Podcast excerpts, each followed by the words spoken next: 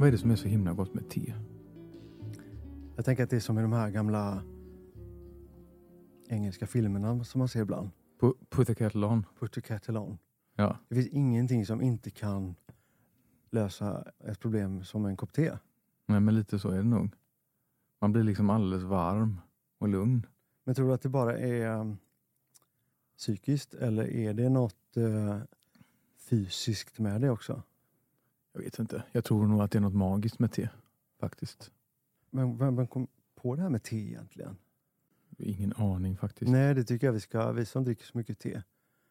Vi borde verkligen uh, förkovra oss lite mer i teets värld och inte bara, inte bara njuta av det. Mm. Men har du tänkt på det? Att uh, när man tar den här första sippen på teet och man får liksom, åh det här var gott. Så sprider sig någonting i Mm. Kroppen. Mm. Det är som att det lugnar nerverna nästan. Ja visst gör det det? Ja. Alltså det första jag gör när man hamnar i ett sånt här krisläge eller en paniksituation där man behöver liksom hitta en lösning på någonting. Det är, att, det är att man börjar med att sätta på en kanna te. Ja. Vi, vi, man vet att men vi kommer behöva te här nu. Vi börjar där. Och så ser vi om pusselbitarna kan falla på plats. Jo men det stämmer. Det blir en, en, bra, Mm. en bra start på att reda ut någonting. Men kände du att det här teet vi dricker nu är lite av ett sånt kriste? Nej, jag vill inte alls kalla det för kriste. Vad skulle du kalla det för då? Och jag tycker det var fräscht-te. Men jag tycker att det var ett sånt riktigt bra kriste. Du vet när det, när det ringer en kompis och som säger att det har hänt någonting, kan jag komma över, jag behöver få prata. Då är det här ett sånt bra te. och det är, eh, det heter faktiskt pushkin och jag vet inte vad pushkin betyder Nej, det gör riktigt. inte jag heller. Men det är ett uh, Earl Grey som är toppat med citron, apelsin, grapefrukt och bergamott. Så det blir ju liksom, det är väldigt runt, mjukt, eh, mustigt men ändå med den här friskheten och fräschören och den här lilla syran som man gillar så mycket. Det är supergott. Och det är ju då införskaffat på Perch Tea Room i Köpenhamn nu när vi var där för två veckor sedan. Just det. Tycker att känslan av ett, eh, ett sånt här frukostte. Mm. Tycker du inte det? Jo, Att det är en väldigt bra start på dagen med sånt här te. Som har den här fräschören i sig. Vi har faktiskt valt en av, eh, en av våra signaturdofter i, en, i våra produkter är ju eh, nästan lite åt detta hållet. mm. Just med bergamotten och citronen och den här fräschören. Man får liksom en, en frisk ton i huvudet på något sätt. Mm. Och det kan jag faktiskt känna ibland. Att man behöver lite extra. Precis som du sa. Jag, jag förstår vad du menar när du säger kriste. Att man behöver få lite clarity, klarhet. Mm. Och, då, och, och lite extra mod. Och det får man ju faktiskt med det här teet. En god kopp te kan ju verkligen ge en mod. Det kan ge mod. Ja. Man blir liksom klarsynt och eh, rensar huvudet på något sätt. Ja, Men man blir liksom rustad för det man ska ta sig för på något sätt. Jag vet.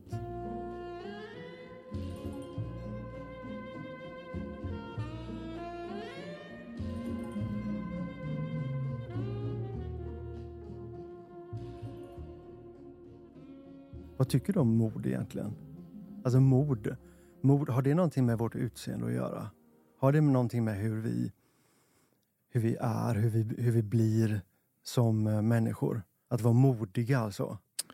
Jag tror att mod kommer i väldigt många former och jag tror också att det är någonting som är väldigt individuellt. Jag kan ibland känna att många människor de eh, tar mod som någonting generellt. Som att det ska vara samma för alla människor. Mm. Men så är det ju faktiskt inte. Jag tänker som till exempel det här med att våga. Att våga någonting för en person som är bekväm i det. Det är ju inte att våga. Nej. Men det är oftast de personerna som säger att andra ska våga. Och fy. Ja, men till, Värsta ja, men ta ett exempel, till exempel då fallskärmshopparen som säger till sin kompis, men för helvete kom igen nu, du måste våga lite. Jo men det är ju lätt för fallskärmshopparen att säga, den som aldrig hoppat fallskärm, att den ska våga. Mm. Verkligen. Medan den personen då som aldrig hoppat fallskärm, den personen kanske älskar att gå på danspass och säger till fallskärmstjejaren, för fan kom igen nu. Häng med mig på ett danspass istället. Aldrig i livet, säger den. Men våga lite nu då. Varför ska du svära när du ska vara så här men jag kände att det behövdes. En sån där liten extra... Nej, men jag gick liksom in i en roll krydda. där. Ja, jag hörde det. Ja. Du, du blir den här lite tuffa personen som, som pushar lite. Jag tänkte att nu är det film. Ja. Vad tycker du? Vad tycker Men förstår du vad jag menar? Ja, men jag, jag fattar precis. Och jag har, jag har lite jobbigt med den typen av pushiga personer. Åh, För jag blir, jag drar mig undan då lite grann. För det är på något sätt som att de vill pusha andra till att göra saker som, som de själva kanske är bra på. ja, men precis. Och sen framförallt också, det finns ju en människotyp, eller man ska säga, som de är adrenalinsökande bara. Mm. Så det handlar inte om att egentligen om att våga, utan det handlar om att göra farliga saker. Mm. Och så vill de utsätta andra för farliga saker. Och det är inte för att växa i sig själva kanske, utan det är bara för att få en adrenalinkick. Eller också för att platta till andra. Så kan jag känna ibland när folk står där, precis som du säger, de här adrenalinstinna som står liksom och nästan frustar så fradgan eh, dyker upp i mungiporna på dem. Att man liksom ska, kom igen nu, haka på nu, var inte så feg. Ja, Och det känns nästan som att, men du vill ju inte mig väl just nu. nej. Det är någonting annat de vill. Men därför kan jag också se de som, som jag anser vara, eller som är modiga, det är faktiskt de som inte pratar om det. Mm. Utan de, de gör det i, i sitt. Mm. Man vet också det här, men hälften vågat, hälften vunnet. Mm. Att det där med att våga är ju någonting som det är väldigt bra att utmana sig själv. Att ta ett kliv över vissa trösklar som man är lite obekväm med kanske. Mm. Och det visar sig också på hur man faktiskt ser ut. En person som tar lite risker, som utmanar sig själv, alltså i sitt, den blir ju också starkare och starkare, men i sig själv. Mm. Och då ser man det på hållning, man ser hur de, de kan bemöta kritik. De kan ta saker mycket mer. Mm. Och det blir ju ett, det blir ju ett utseende i sig. Man beundrar ju den typen av, av människor. Mm. Jag tänker bara som, ta sånt där som man läser om i skolan, som till exempel Karen Blixten i Danmark. Som på den tiden då för många, många, många, många år sedan tog sitt pick och pack och åkte till Afrika och gjorde det för sin skull. Och sen skrev. Och sen när det väl var gjort, det var ingen som pushade till det. Eller som, ehm, vad heter han med, med luftballongen? Andres, nej, jo, eh, som åkte till eh, Nordpolen. Andres luftfärd. Mm. Sånt där kan inspirera otroligt mycket. Men det behöver inte alltid vara så stort. Det Nej. kan ju vara små saker också. Men det där är ju sant mod.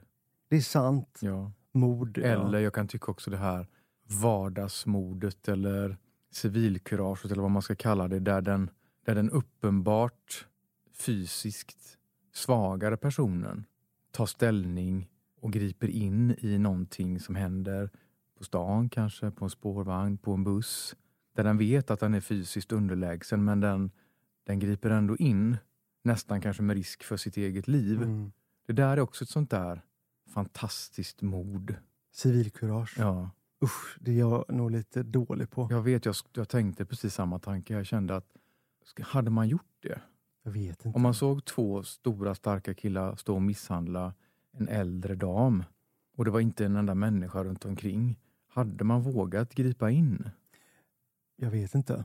Man Jag- måste ju göra någonting. Jag att, Hela ens kropp och själ skriker jag att tror man att när, måste... det väl, när det väl händer så tror jag inte man tänker så Nej, mycket. Utan jag man bara ingriper.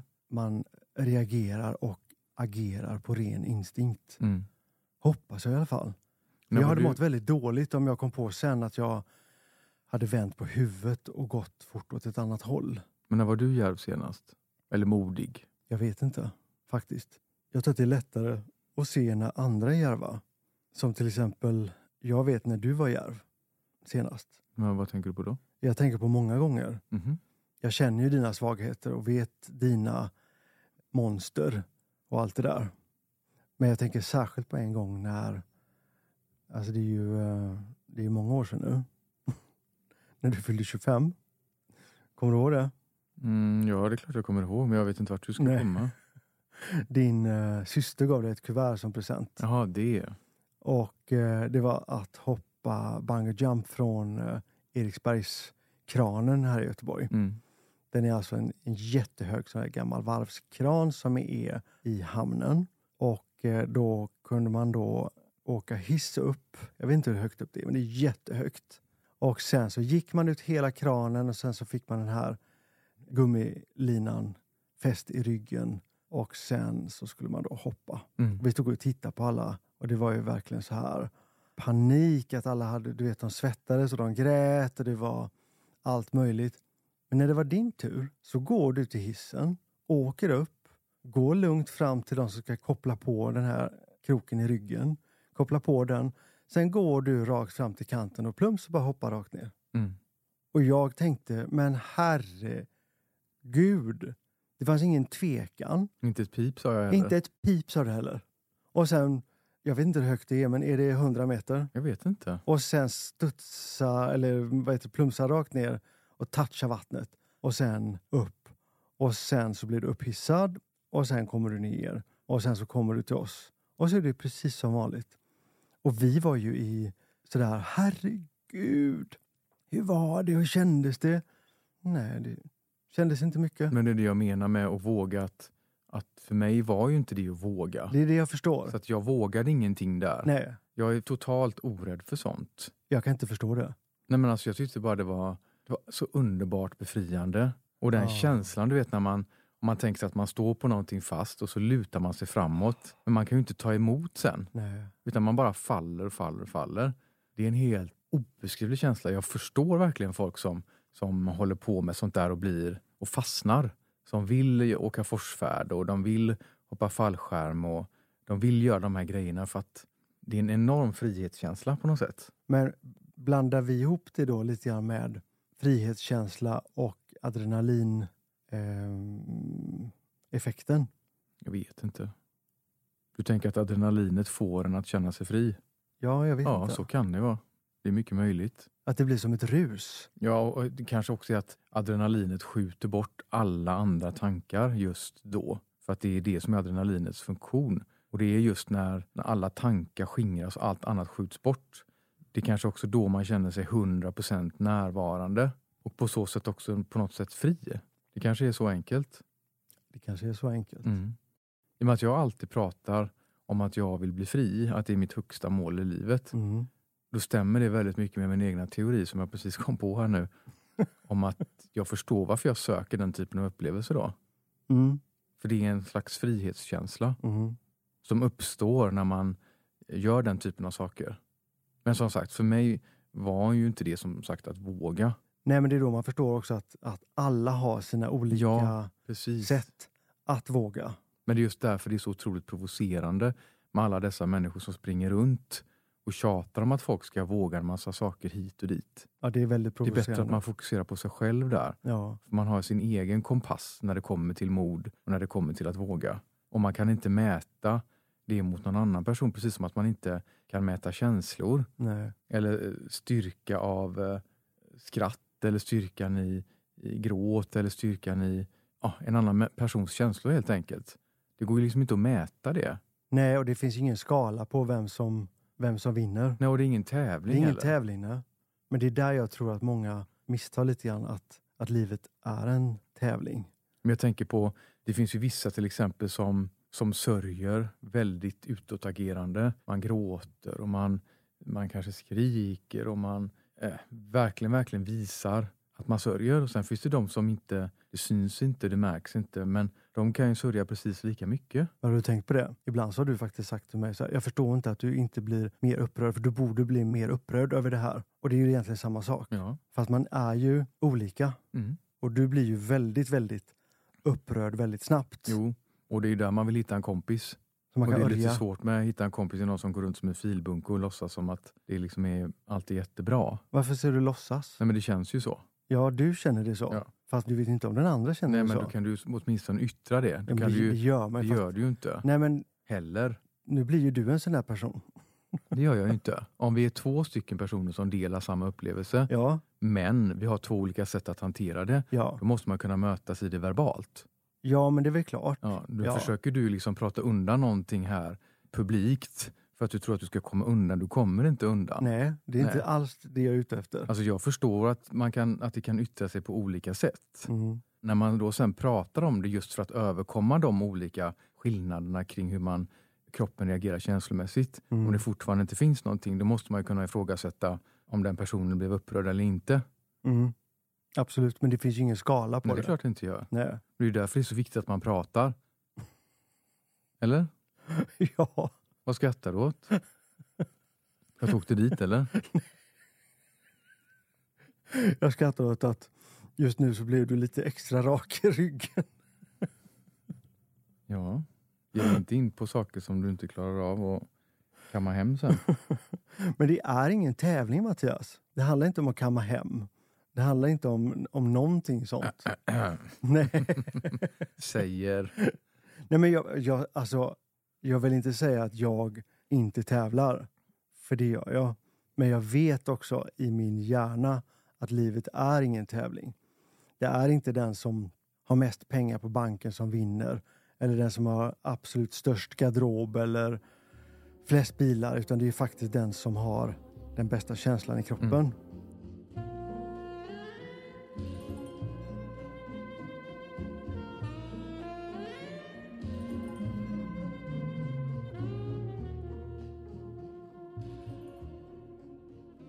Jag tänkte på det här med, vad känner man för det här med de här Instagram challenges? Värsta jag Där vet. en person då tar initiativet till att utmana andra att göra samma sak som den personen. En väldigt vanlig till exempel som jag har sett som har kommit lite då och då, det är det här när en tjej utmanar alla andra kvinnor att posta en bild på sig själva utan makeup till exempel. Mm. Vad är syftet med det egentligen? Den nakna sanningen pratar de om. Den nakna sanningen precis. Och eh, alltså det är fantastiskt.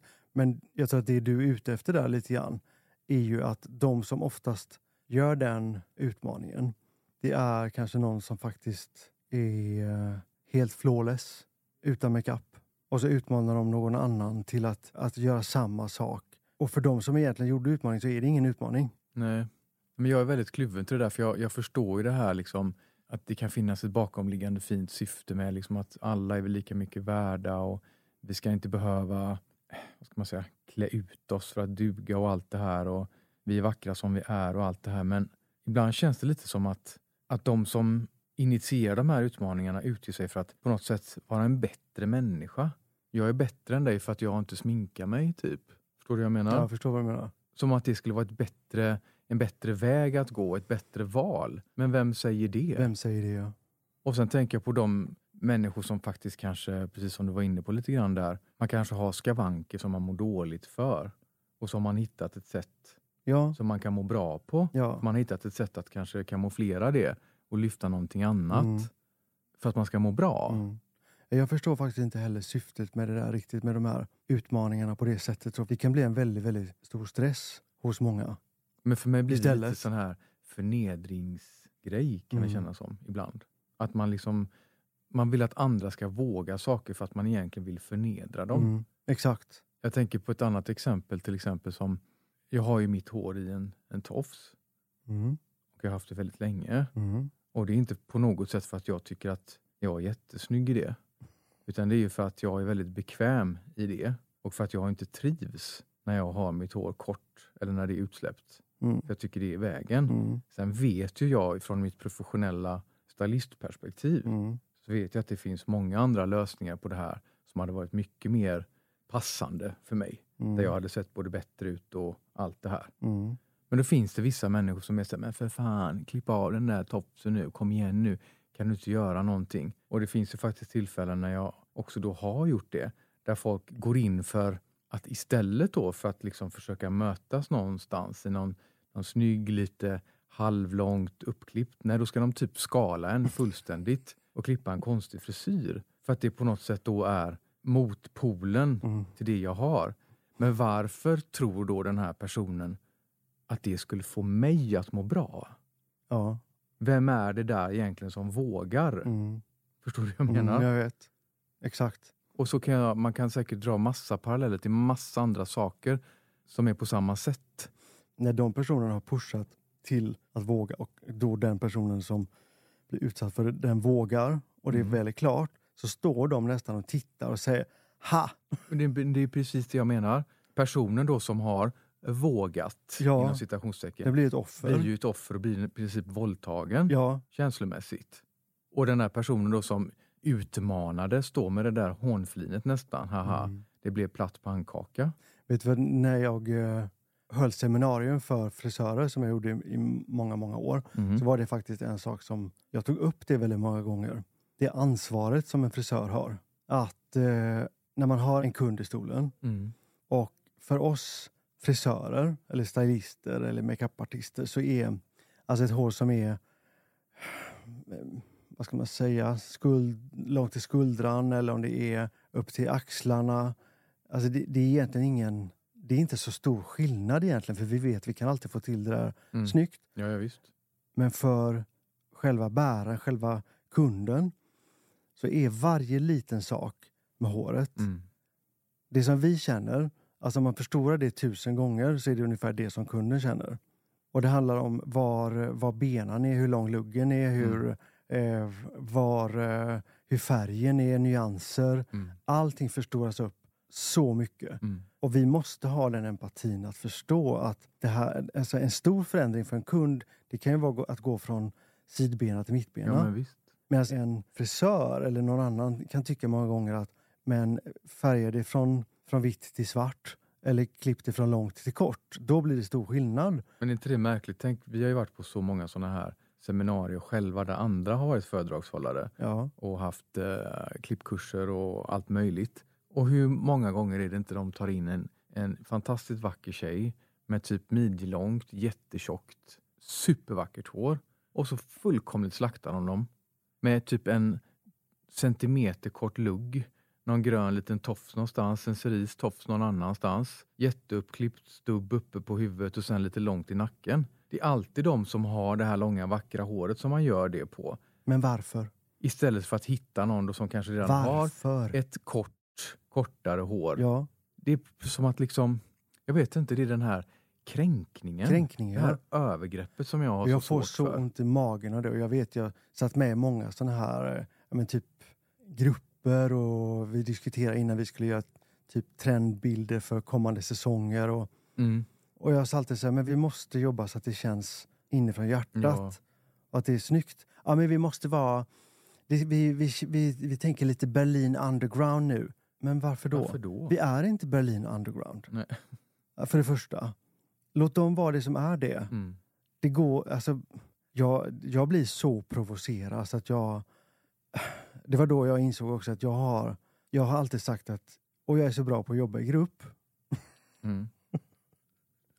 Tills jag insåg att jag är nog väldigt värdelös på att jobba i grupp. Men jag tror att precis det du var inne på där, det handlar väldigt mycket om något som jag tror är väldigt viktigt i sådana situationer. Det är att man alltid ifrågasätter Mm. syftet med att våga. Tjänar det mig eller tjänar det oss? Mm. Just vid detta tillfälle, är det utvecklande? Tar det oss framåt? Flyttar det markörerna framåt? Mm. Utvecklar det mig? Utvecklar det bolaget? Eller vad det nu är, Mm. vilken situation man nu jobbar i. Mm. Man måste ställa sig den frågan innan man drar igång. Mm. Ja, absolut. Det är, det är helt sant. Ja, jag var faktiskt, ja, nu ska jag slå mig själv lite på bröstet här, men jag jobbade med eh, en arkitekt en gång, en jätteduktig arkitekt. Eh, och han jobbade väldigt mycket med kök och eh, han hjälpte mig att rita ett kök till en kund.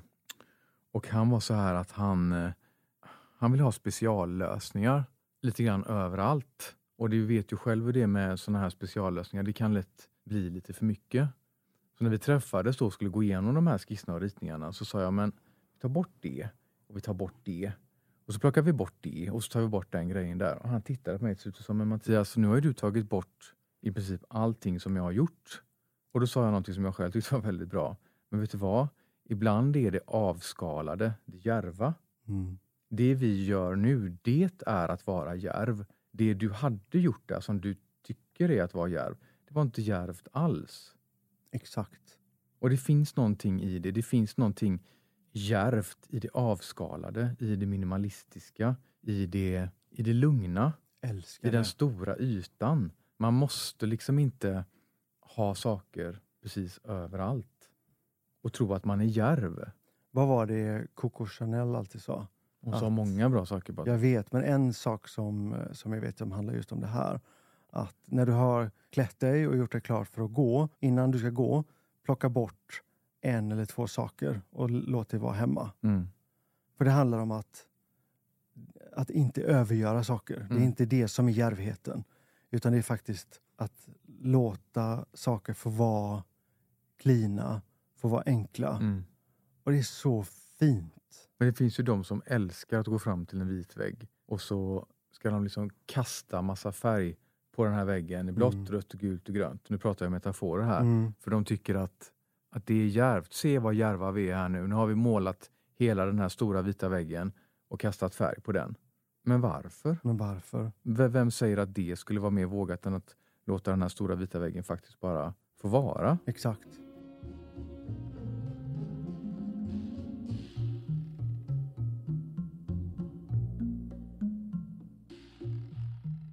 I och med att du, både du och jag, vi har ju varit egna företagare ända sedan vi var jätteunga. Mm. Att ta det beslutet är ju väldigt djärvt. Mm. Och när man är ung så är man väldigt naiv. Mm. Och då är det, det är inte så big deal. Utan friheten vägde tyngre på något sätt än en fast anställning. Då blir det naturligt att man blir frilansande och man har ingen trygghet, man har ingen säkerhet. Man vet inte om man har jobb nästa säsong. Man lever alltid i en känsla Mm. av att inget är beständigt. Nej. Och sen då när vi eh, till exempel startade Lernberg Stavsing för 11 år sedan och vi tog alla pengar vi hade och belånade lägenhet och allt sånt där och satsade allt på ett och samma kort. Och det fanns inget att tveka på. Nej. Hade det inte gått, ja det hade vi varit utan allting sen. Men det är ändå värt det, att våga det för att Mm. komma någon vart. Men kände du att du vågade någonting då? Nej, Nej, inte alls. inte jag Det heller. är bara fullt naturligt. Jag inser det nu när vi pratar om det att för mig kändes det ju som att det var det enda alternativet. Ja, det är ett sätt att det leva. var ett sätt att ta sig framåt. Alla andra sätt hade varit att gå bakåt på något sätt. Exakt så. Så det var ju inte heller egentligen att våga. Nej, men jag vet, jag kommer ihåg när jag jobbade på SVT, då hade jag också ett frilanskontrakt. Och då satt jag ibland och lyssnade när vi satt och käkade lunch och alla pratade om sina anställningskontrakt. Och att alltså, det skulle skrivas ner exakt i sten vad, hur det skulle se ut framöver. Och, det, och jag kände, men vill ni sitta fast i ett kontrakt? Mm. Och det vill många. Det är ju en typ av fängelse. Ett väldigt, ett väldigt try- trygghetsfängelse på något Mm. sätt. Jo, jo. Guldbur. En guldbur, ja. Men jag tror att det är när man väl har, eller också är man bara olika typer, men att vara entreprenörsperson Mm. och driven av det och lärt sig det från första Mm. början så finns det ju nästan inget Nej. annat.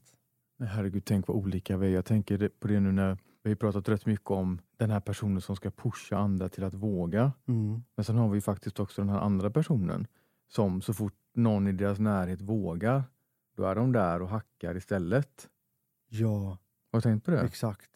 Då ska det klankas på det. Då ska det klankas, ja. Ja, Är verkligen. du verkligen rätt person för det här? Ja, Har du verkligen tänkt igenom det här väldigt noggrant? Och så vidare och så vidare. Men vet du vad jag tänkte på också Mattias? Nej. Nu när vi sitter och diskuterar det här och pratar om detta så känner jag att i och med att vi är entreprenörer och vi ser så otroligt mycket möjligheter i allting. Mm. att vi kanske är de som pushar lite mycket ibland hos andra personer när man ser en potential. Mm, jag vet.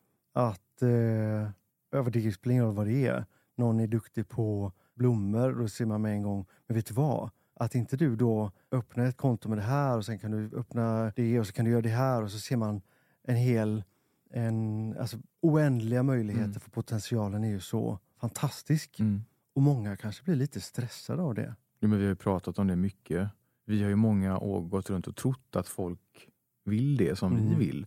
Att alla människor vill bygga en egen plattform, bygga ett eget varumärke, bli eh, självständig. Och utgått lite grann från det när man har pratat, när man har sett att ens vänner kanske, om man tar PTn till exempel, så tycker man men gud att du inte startar ett eget märke med kosttillskott, proteinpulver och vitaminer. Mm. Eller till den andra yoga-PTn. Men varför gör du inte ett eget eh, yogamärke med yogakläder? Mm. För oss är det så självklart Ja. att man, vi tänker att man tänker så. Exakt. Men alla människor vill inte det. Nej. De orkar inte det, de vågar inte det. Det är inte alls en drivkraft för dem. Nej. Det tog väldigt lång tid för mig innan jag förstod att det kunde vara så. Ja. Alla människor är inte tacksamma för den pushen och vill inte ha den pushen. Nej, och det är väl också lite grann så här, vi är ju vana att jobbet är 24-7 Ja, och många vill inte ha det. Nej, men för dem kanske inte jobbet inte är en, en, en livsstil. Nej, exakt. de vill liksom, men jobbet är separat. Ja. Lite som för ett barn som går till skolan. Ja. Alltså, Ja. skolan är skolan och sen är jag inte i skolan, men då är det någonting annat. Mm. Men vi har ju inte funkat så, någon av oss, Nej. någonsin. För oss är ju, går ju allt det där ihop och samman. ja, det är en livsstil. Ja. Faktiskt, på gott och ont. Men mest, mest på gott tror jag faktiskt.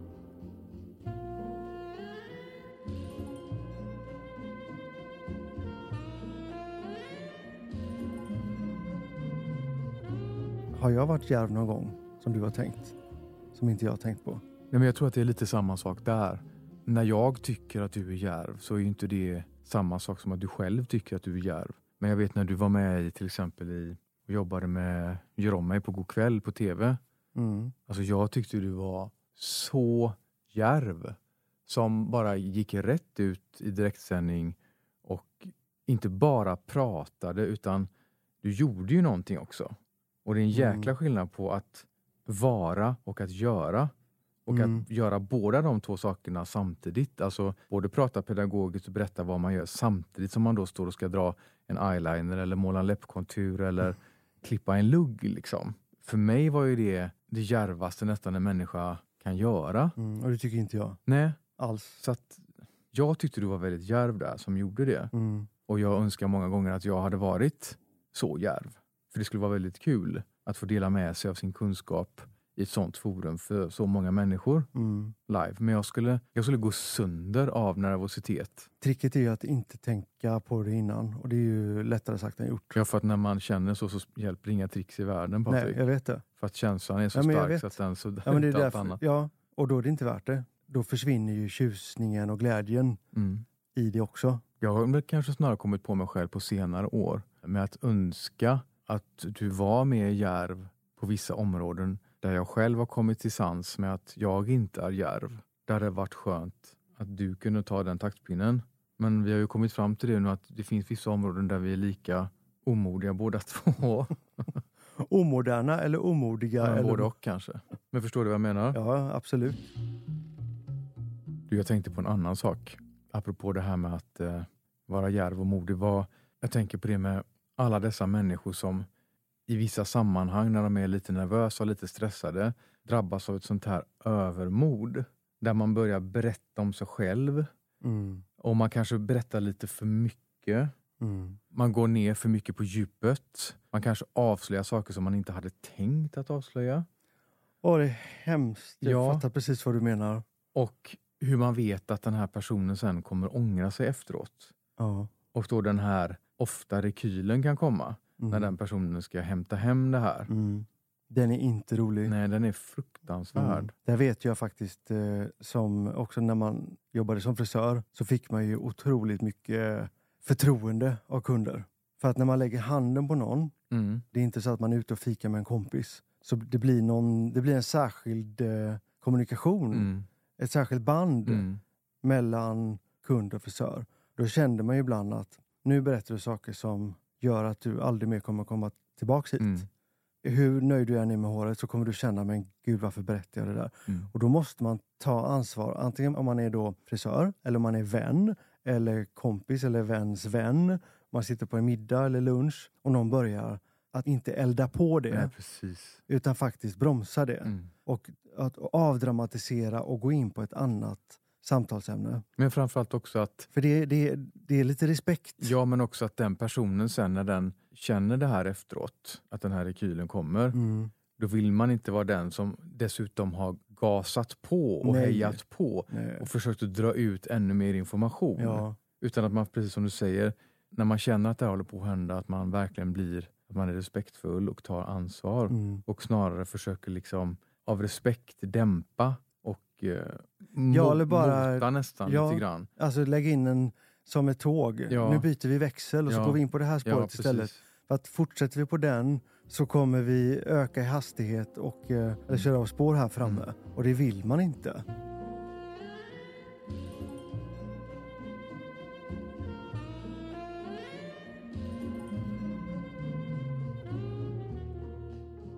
Jag får otrolig respekt för folk som är väldigt raka. Mm. Som till exempel, nej men den här helgen, eh, okej, b- banalt ämne, Men den här helgen så har jag vikt den att jag bara ska ha det väldigt lugnt och skönt. Mm. Så jag måste tyvärr avboka den här middagen som är bokat på Mm. lördag. Eller kan tyvärr inte tacka ja till den här middagen. Eller tyvärr inte kan tacka Och ja. hitta inte på något annat svepskäl utan säger som det är. Exakt. Och det blir, alltså jag blir så inspirerad Men det där är ju och någonting som imponerad. du och jag har börjat med på senare tid. Och som Ja. faktiskt kan vara ett väldigt bra sätt att börja visa sig själv och börja ta lite mer Mm. ansvar över sitt liv Mm. och de valen man faktiskt gör. Och då blir man väldigt stolt Ja. över sig själv. Men jag tänker särskilt man- på faktiskt ett tillfälle nu när vi blev nedbjudna till ett par underbara vänner i Båstad. Och vi hade helgen innan varit borta och sen har vi jobbat stenhårt under veckan. Och då svarade ju du faktiskt så att åh vad mysigt och supertrevligt men vi känner att vi, vi orkar faktiskt inte den här helgen. Vi tänker viga den helgen åt att bara gå i skogen, ta det lugnt och vara med varandra. Och det svaret du fick där var ju så himla fint. Men det är ju det man förstår också att när man är nära vänner, och det var faktiskt några av dem som vi faktiskt skulle vilja träffa. Ja men precis. Men ibland så är man bara helt urlakad. Jo men tänk då, ofta så är man ju, svarar man ju inte så för att man är så otroligt rädd för svaret. Man vill inte såra och allt det här. Mm. Men när vi var ärliga då så svarade de ju faktiskt, men gud vad fint. Men vad, vad skönt att ni tar ansvar för era känslor. Ja. Jag kommer inte ihåg exakt. Ja. Men det är ju faktiskt så enkelt egentligen. Jag tror inte att någon människa skulle reagera och bli sårad om man faktiskt sa som det var. Nej, för det är också, då blir man ju också lite man är sann mot sig själv. Då växer man lite. Då växer man lite grann och så tycker man bättre om sig själv. Ja, men precis. Men däremot om man kanske har lite svepskäl som är lite sliriga i kurvan sådär. Så tycker man ju man själv är Jag lite... vet. Att man är inte, att man inte är helt clean. Men man känner sig smutsig. Ja, Och särskilt om man har dratt en sån här lite för, för stor lugn. om fy. att man eh, är bortrest eller man ska på någonting. Så går man runt och tänker så hoppas jag inte möter dem på stan nu. kommer du ihåg när man var liten och man sjukanmälde sig från skolan? Ja, det kommer jag verkligen ihåg. Och så, och så gick man ändå ut, för man var inte sjuk. Mm. Och då kände jag mig sjuk. Då blev jag så här, jag mådde så dåligt i hela kroppen och mötte jag någon så var jag nästan så här, jag tänkte så här, men jag har nog feber för jag är inte frisk. Fast det där är så konstigt för där är jag raka motsatsen. Usch! Jag var nog väldigt, väldigt ansvarslös och hänsynslös när jag var liten. För I couldn't care less. Jag brydde mig verkligen inte. Det Jag- där är ju, Men jag ville inte gå till skolan, då gick jag inte till skolan. herregud. Sen om jag var sjuk eller inte, jag har väl berättat för dig en gång när mina lärare kom hem till mig när jag var sjuk. Ja, det har du berättat. Ja. Och de tittade på mig som, men du är inte sjuk. Nej, jag är inte sjuk. Så. Men det där är verkligen du i ett nötskal. Ja, men vi kan Och ju inte behandla dig annorlunda, sa de. Nej, det förstår jag. Men vad, gör, alltså, vad gör ni här då? jag önskar ibland att jag kunde vara så. Men vet du vad? Jag gillar att du har det där Jag har i det dig. Plocka mig. fram det mer. Men det är svårt. Det där är att vara djärv. Eller äh, inte djärv. Mod. Att använda det man har. Att vara sann mot sig själv Mm, och stå upp för det. jag vet. Nu har jag en fråga till dig. Mm. Var du den där personen som själv gick fram till DJen om du var ute på en nattklubb och önskade en låt? Eller var du den som knuffade fram en kompis? Fy vad äcklig fråga. jag vet. Jag hatar de där vingliga personerna som ska gå fram och tjata på en DJ. Och jag var heller faktiskt inte den som knuffade fram den andra. Utan då kände jag mer, mer istället så här. Nej men jag ska nog bli DJ själv. Okej. Så att jag kan... Men jag fattar vilken typ du är ute efter. Och om jag måste välja att jag är någon av de två Mm. så var jag nog den som gick fram själv i så fall. Jag skulle aldrig knuffa fram någon annan och gå mina ärenden. Mm, okej. Och du då? Jag önskar jag kunde svara så. Jag tror kanske inte att jag knuffat fram någon för att önska en låt just. Men jag kan nog skicka andra att göra mina ärenden Mm. om det känns obekvämt. Ja, för jag förstår att frågan är ju metaforisk. Ja, ja. Nu kommer jag på en annan, också sånt där praktexempel som är kopplat till skönhet och att vara modig och djärv. Jag tänker på alla människor som kanske har hittat sin stil och den kan vara men lite färglös. Alltså man gillar grått, svart, mörkbrunt, marint kanske. Man, är man kvinna kanske man har hittat, eh, i och för sig en man också för den delen, men hittat en makeup som man tycker passar. Man kanske har sitt hår ganska enkelt, eh, man har en snygg färg som ser naturlig ut. Och så kommer någon kompis och tycker så här, men alltså du borde verkligen ha lite färg, du som är så snygg. Mm. Att du inte har liksom, men kan du inte ha lite mer färg på ögonen eller på läpparna eller att du inte gör någonting mer med håret. Och Mm. när den personen har tjatat tillräckligt mycket så kanske den här personen gör det. Mm. Med resultatet att den ser ut som en clown eller känner sig som en clown. Ja. Och det är sådana tillfällen jag också ibland verkligen kan ifrågasätta det här med att vara modig och djärv. Vad, vad, det, vad, vad det tjänar för syfte. Mm.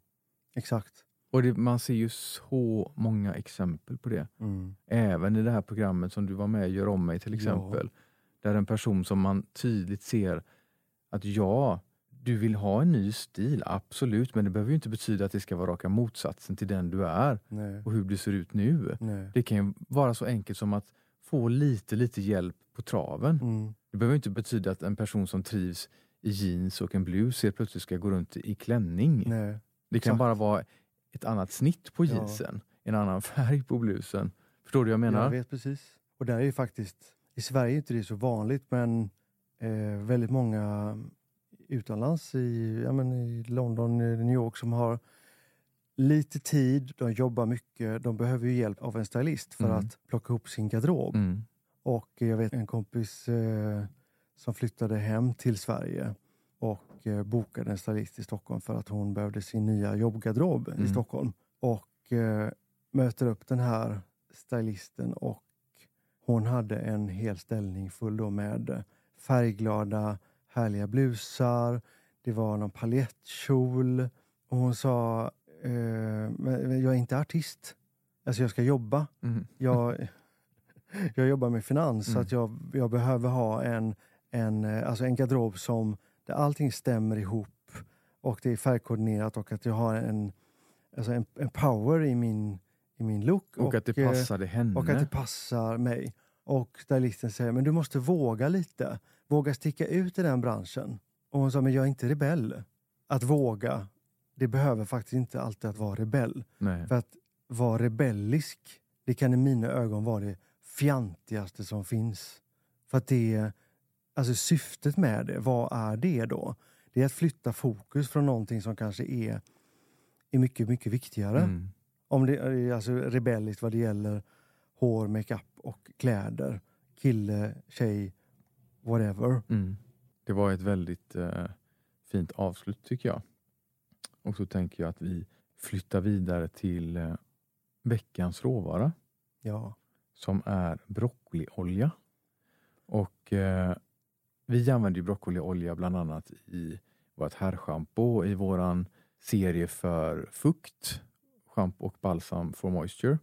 Och eh, en anledning till att vi började jobba med broccoliolja det är ju just för att vi letade efter ämnen som kunde ersätta silikon i våra produkter.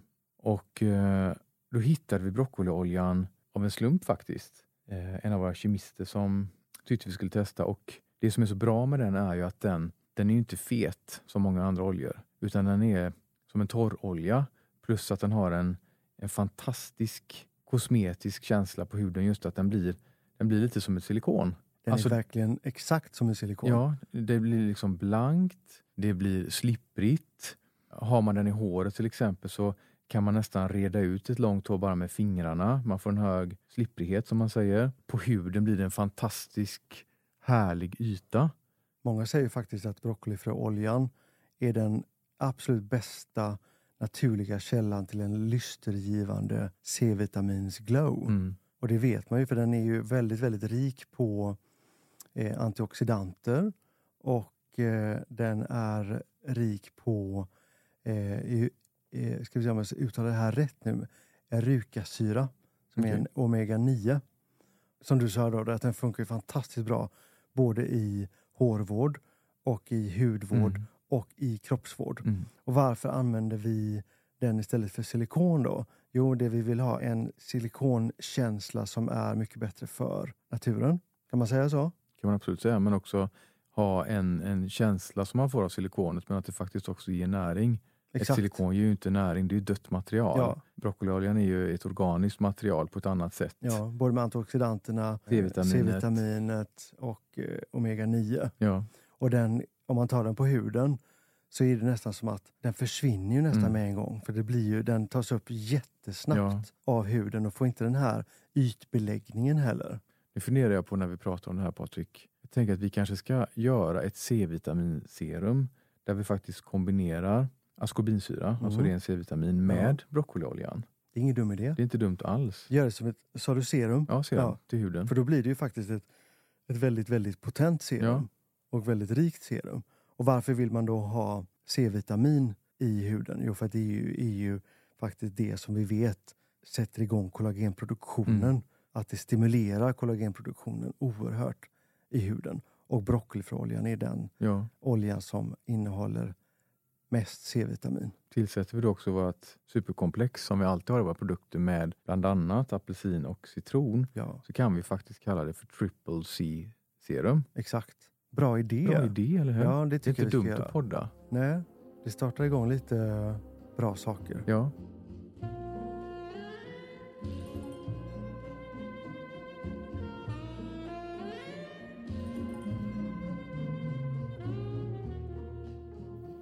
Jag såg eh, en influencer som gjorde jättefina träningskläder häromveckan. Ja, det var så fint. Jag blev så inspirerad. Och särskilt när man ser då att en person som inte jobbar med eh, träning, men som tränar mycket, Mm. gör så fantastiska kläder som faktiskt man förstår att det här kommer från ett, ett annat perspektiv. Mm. Och det känns så, så självklart. Men det är ju inte alltid så självklart när en person som inte har det forumet riktigt Nej. Och det, det känns ibland som att det, de inte riktigt blir rättvist behandlade. Nej. Du tänker på alla kommentarer som oftast kommer när någon har gjort någonting i ett forum där de kanske normalt sett inte verkar. Ja, typ så. Och så kommer kommentaren att "Ja, men du jobbar väl inte med träning eller du jobbar väl inte med mat eller du, vad, vad kan du om eh, eh, att skriva böcker? mm, Ja, men jag håller med dig, men det där handlar ju bara om bitterheten som sipprar ut för att man själv inte vågar någonting. Så är det säkert precis. Ja, men det är väl klart att det är. Jag tänker precis som du sa, varför skulle man inte, om man tränar mycket och upplever att det utbudet som finns kanske inte passar, man kanske saknar någonting. Det är Mm. väl klart att man är kapabel till att ta fram det. Det är ju så vi tar oss framåt. Ja. Du, nu kommer jag på ett jättebra exempel. Jag har ju faktiskt en, en underbar kompis som heter Yvonne. Och hon har ju tagit fram eh, en serie typ eh, poddväskor, eh, kameraväskor för Scandinavian Photo här i Göteborg. Och eh, vi fick en sån här väska och jag menar hon har ju inte poddat, hon är inte fotograf. Men den här väskan är ju helt fantastisk. Mm. Bästa någonsin. Alltså hon har verkligen tänkt mm. till liksom hur, hur man vill ha det, Mm. hur stora de ska vara. Ja, men när man tänker att det både ska vara snyggt och funktionellt. Exakt. För då kom hon kommer från modevärlden och kommer in i den tekniska världen Mm. vad det gäller utrustning. Precis. Och eh, när man mixar det så blir det ju någonting fantastiskt. Ja, men hon har ju gjort en poddväska eller en kameraväska som man faktiskt vill ha och som Ja. man kan tänka sig att gå på stan med. Ja, men skulle vi åka till eh, New York till exempel, då hade jag kunnat tänka mig att ha den ryggsäcken på. För då ser man att men där kommer en, eh, vad ska man säga, en- hemskt att säga att man är modern. är man man modern kan om man säga säger själv. att man är det?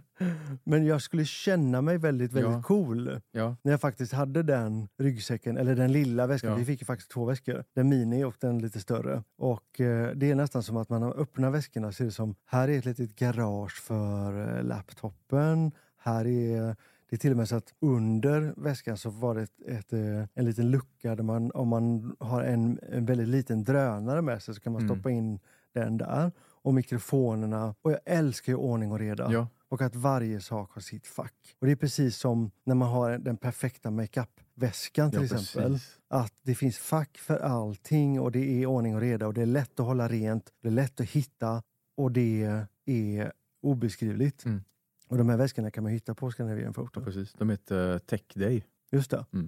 Men jag tycker det är ett väldigt bra exempel på just det där när någon kommer från en annan bransch och trots att den kanske då inte har varit så bevandrad inom den här tekniken Mm. ändå tillför någonting för Ja. att man tänker utanför boxen. Ja. Men jag tror att det är precis det som krävs. Att man, att man vågar gå in på ett område som man gillar och så göra något helt annorlunda. Mm. Men tänk förr, butiker som sålde arbetskläder till exempel. Mm. Ja. Eh, och det fanns ställen som, eh, som visade möbler som man skulle ha på, kontor. Mm. Alltså allt det där har ju liksom suddats ut väldigt mycket Mm. för att någon vågar gå in och göra någonting helt annorlunda. Mm. Och med det så tycker jag att vi tackar för oss idag Patrik.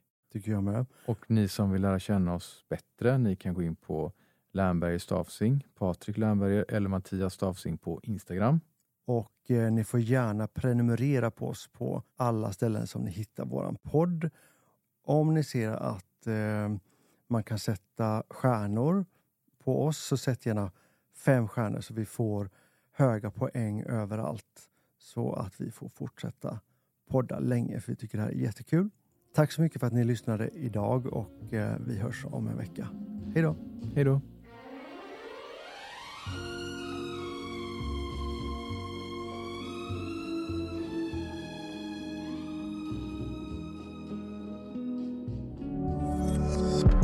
Thank you for listening to this Polpo original. You've been amazing.